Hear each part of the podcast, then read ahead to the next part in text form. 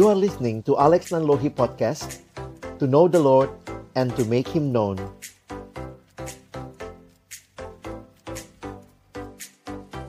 semua orang kudus itu pasti punya masa lalu ya, hidup Mhm. dalam dosa, tetapi setiap orang berdosa yang dibenarkan itu punya masa depan yang baru dalam Kristus. Kalau saya belum didoakan sama pendeta, saya belum Ah, lepas nih. Iya, dari saya harus Belum kayak lepas. kayak satu pembatas gitu ya. Iya. Bagaimana saya lepas? Doa pelepasan. Gitu kan. Nah itu, nah, kayak gitu gimana tuh Pak Alex? Orang tua punya keburukan misalnya ya, keburukan orang tua punya kebiasaan misalnya ya sobat Rida bercerai, Judi, judi. judi gitu ya. Aduh. Nggak pakai K ya, itu nyanyinya enak. Judika. Ini judi saja, oke? Nah, keburukan orang tua kok kebetulan Iya. anak juga melakukan hal yang sama. Uh, Wah. saya kita tadi kan cerita sobat Rida. Hmm. Saya pernah tahu gitu ya, neneknya cerai, Iya. mamanya cerai, Iya. anaknya terancam cerai. Waduh. Kayak gitu tuh sobat Rida. Saya jadi mikir, ini kutuk keturunan atau bukan sih? Atau cuman kebetulan? Atau cuman eh iya atau kebetulan atau memang ada satu hal yang diteruskan ke anak-anak gitu ya, ke Yes. anak cucu gitu ya. Apa? Ini namanya apa? Ya. Kita hari ini bicara sama siapa? Kita akan bicara bersama Pastor Alex Nanlohi dari Perkantas, Jakarta. Kita mau sapa dulu. Shalom Pastor Alex. Halo. Shalom Pak Alex, halo. Halo, shalom Wow, terima Pak kasih. Nathan, Pak Jo, dan Yes. juga Sobat Basra Yuda. Makasih Yes. sudah join di Baterai UDFM. Bagaimana kabarnya Pastor Ya. baik? Puji Tuhan, baik, Wow, puji Tuhan. sehat, terima Nah, kasih. Kebetulan Pastor Alex kan juga dari Perkantas gitu Betul, ya. betul. Juga pasti melayani generasi ya, Mm-mm. generasi uh, Iya. anak-anak kuliah begitu ya, rekan-rekan yang ada di universitas. Mungkin juga banyak sekali yang menanyakan tentang kutu keturunan. Wah. betul nggak sih Pastor? Iya. Berat banget ya pertanyaannya, Pastor. Betul, betul. Tapi kita mau definisikan dulu ini. Kita dudukan di posisi yang benar dulu. Kutu keturunan ini apa, Iya. Pastor sebenarnya? Nah, ini sebenarnya istilah yang saya pikir lahir dari beberapa pemahaman terhadap apa yang ada di dalam Alkitab. Baik. yang mengatakan misalnya bahwa Tuhan akan meneruskan ya eh, hukumannya kepada generasi ketiga sampai keempat begitu. Jadi seolah-olah ya kalau kita membacanya wah ini karena diturunkan begitu ya. Sementara di sisi yang lain saya pikir ada cara untuk memahami ayat tersebut dengan lebih tepat. Mungkin begitu ya secara awalnya. Oke, baik. Itu pemahamannya orang gitu ya. Wah, berarti diturunkan ada sebuah hal yang buruk diturunkan untuk Hmm, anak hmm, cucunya begitu ya. Nah, Iya. tadi ke- kembali ke topik keburukan orang tua menurun ke anak. Nah, apakah ini juga adalah satu jenis kutu keturunan atau gimana, Pastor? Nah, mungkin saya coba jelaskan sebentar Ya. dari beberapa ayat juga waktu kita berbicara tentang apakah kutuk keturunan itu Hmm.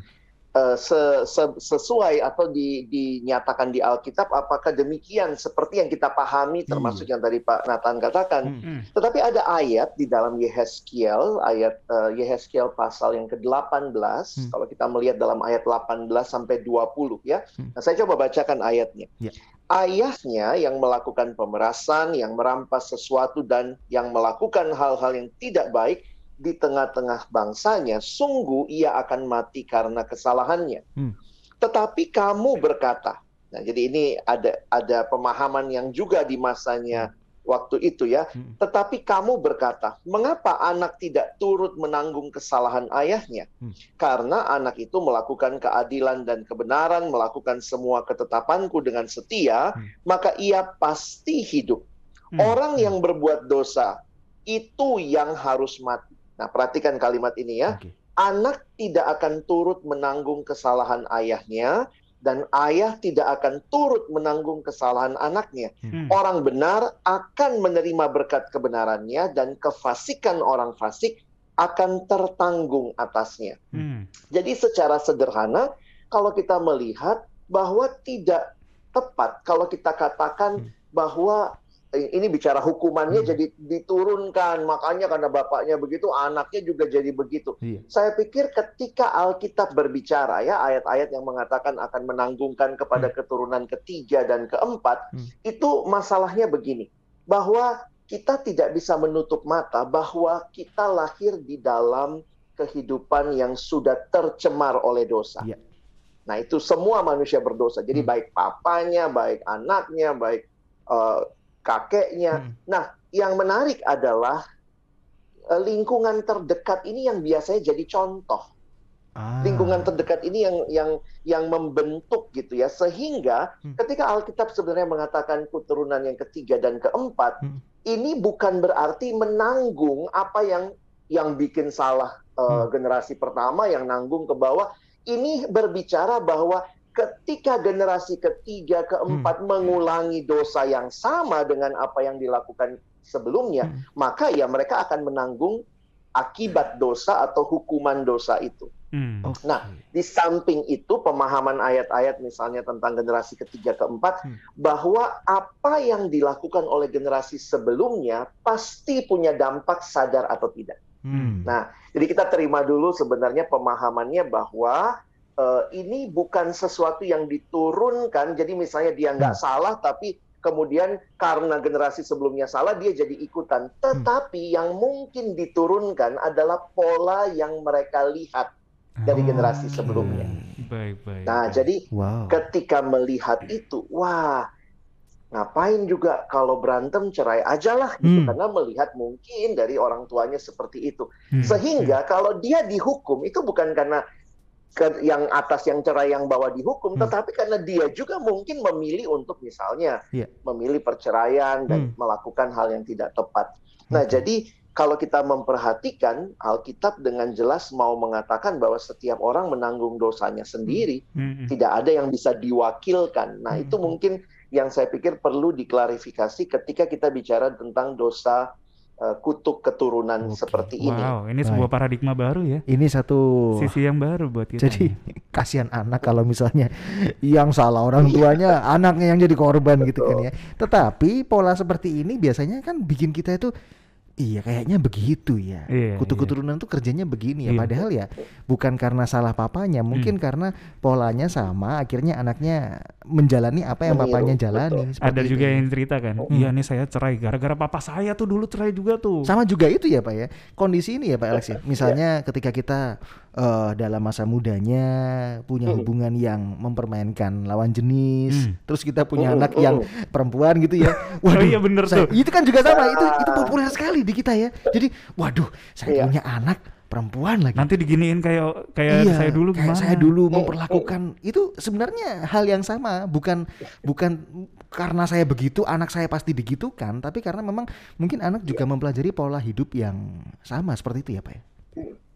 Saya melihatnya di sinilah saya pikir penting sekali justru kita melihat kuasa Injil, Hmm. kuasa kematian dan kebangkitan Kristus yang memberikan bagi kita masa depan. Hmm. Sehingga kalau papanya misalnya penjudi, Iya. tidak pasti atau tidak harus kita mengatakan pasti anaknya juga penjudi. Hmm. Karena kuasa Kristus sanggup mengubahkan manusia berdosa. Oke. Dan bagi saya itu yang kadang-kadang kita nggak lihat. Kita lebih lihatnya papanya begini, mamanya begini. Kita Hmm. nggak lihat bahwa dalam Kristus dia manusia baru, Wow. ciptaan baru. Hmm. Iya, Sehingga ada iya. satu kalimat yang bagi saya selalu berkesan dalam bahasa Inggris bilang begini. Hmm. Every sinners have uh, every saints have a past Hmm. and every sinner have a future. Wow. Iya. Semua orang kudus itu pasti punya masa lalu ya, hidup Mhm. dalam dosa, tetapi setiap orang berdosa yang dibenarkan itu punya masa depan yang baru dalam Kristus. Wow. Iya. Jadi saya jujur aja kadang melihat orang-orang yang fokus kepada kutuk-kutuk keturunan karena konsep yang tidak tepat Hmm. atau tidak utuh, lebih sibuk berpikir tentang apa yang terjadi karena dosa orang tua saya. Hmm. Tidak melihat apa yang Tuhan sanggup kerjakan ketika saya menyerahkan diri saya kepada Tuhan dan saya punya masa depan untuk tidak mengulangi apa yang orang tua saya lakukan. Iya. Wow, luar biasa. Ada satu Iya. fenomena lagi Pastor Alex Apa yang selain selain yang Pak Hmm. Alex bilang tadi ya, Hmm. bahwa percaya bahwa doa dari mungkin pendeta mohon maaf Iya. ya, dari hamba Tuhan itu lebih manjur nih. Benar. Kalau saya belum didoakan sama pendeta, saya belum Ah, lepas nih. Iya, dari saya kutuk. harus Belum kayak lepas. kayak satu pembatas gitu ya. Iya. Bagaimana saya lepas? Doa pelepasan. Gitu kan. Nah itu, nah, kayak gitu gimana tuh Pak Alex? dengan dengan dengan terjadinya eh, orang mikirnya berarti harus ke pendeta nih doa Hmm. pelepasan dulu gitu ya Iya. baru bisa lepas Iya, iya. kayak gitu gimana Mas? Saya pikir kita harus dengan jujur melihat juga dan belajar di dalam Alkitab. Tidak ada anjuran secara langsung di Alkitab atau praktek yang harus dilakukan dalam kaitan doa pelepasan. Mm. Di dalam beberapa bagian memang benar Yesus mengusir roh jahat, tetapi Yes. tidak ada istilah yang kayaknya harus semua. Karena yang saya lihat ya Hmm. ini fenomena. Silahkan Bapak Ibu Saudara mengujinya Hmm. karena kita juga diminta untuk menguji berbagai roh. Ya. Ada konsepnya adalah semua orang harus pelepasan. Nah, itu yang kadang-kadang saya bingung gitu. Hmm. Sehingga kadang-kadang dalam sebuah pelayanan disuruh ingat-ingat apa masa lalu, kamu pernah dikasih makan apa, Hmm. kamu pernah dimandiin kembang apa, anak itu kadang-kadang saya nggak tahu lagi kak, saya nggak ingat gitu ya. Jadi, tapi dipaksa untuk mengingat dan katanya harus pelepasan untuk kutuk-kutuk Ya. dosa masa lalu yang bahkan kamu tidak tahu. Hmm. Nah, sekali lagi saya melihat ketika hal-hal ini menjadi fokus dan pola yang dianjurkan, Hmm.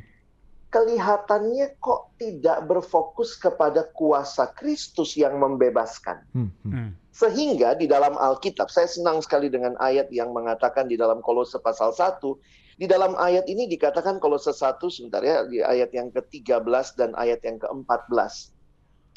Ia, Yesus, telah melepaskan kita dari kuasa kegelapan dan memindahkan kita ke dalam kerajaan anaknya yang kekasih. Hmm. Di dalam dia kita memiliki penebusan kita yaitu pengampunan dosa. Hmm. Jadi kalau dikatakan bagaimana saya lepas dari semua kutuk-kutuk begitu ya apa pun yang kita sebut ya terima Yesus. Dan Yes. waktu kita terima Yesus maka sebenarnya pelepasan yang sangat luar biasa itu telah terjadi Hmm. di dalam nama Yesus. Hmm. Untuk beberapa orang, saya harus katakan bahwa memang ada untuk beberapa orang yang Hmm. mungkin dalam kelemahan imannya, mungkin dulu pernah makan sesuatu, nelen sesuatu, dapat jimat Hmm. atau apa. Kadang-kadang mereka perlu melihat itu keluar begitu ya. Oke. Sehingga akhirnya memang ada hamba-hamba Tuhan yang melakukan pelayanan pelepasan. Hmm. Tetapi jangan berpikir sebaliknya bahwa kalau saya belum pelepasan maka Yesus saja tidak cukup, saya harus dilepaskan. Wow. Padahal Wow. tadi dikatakan,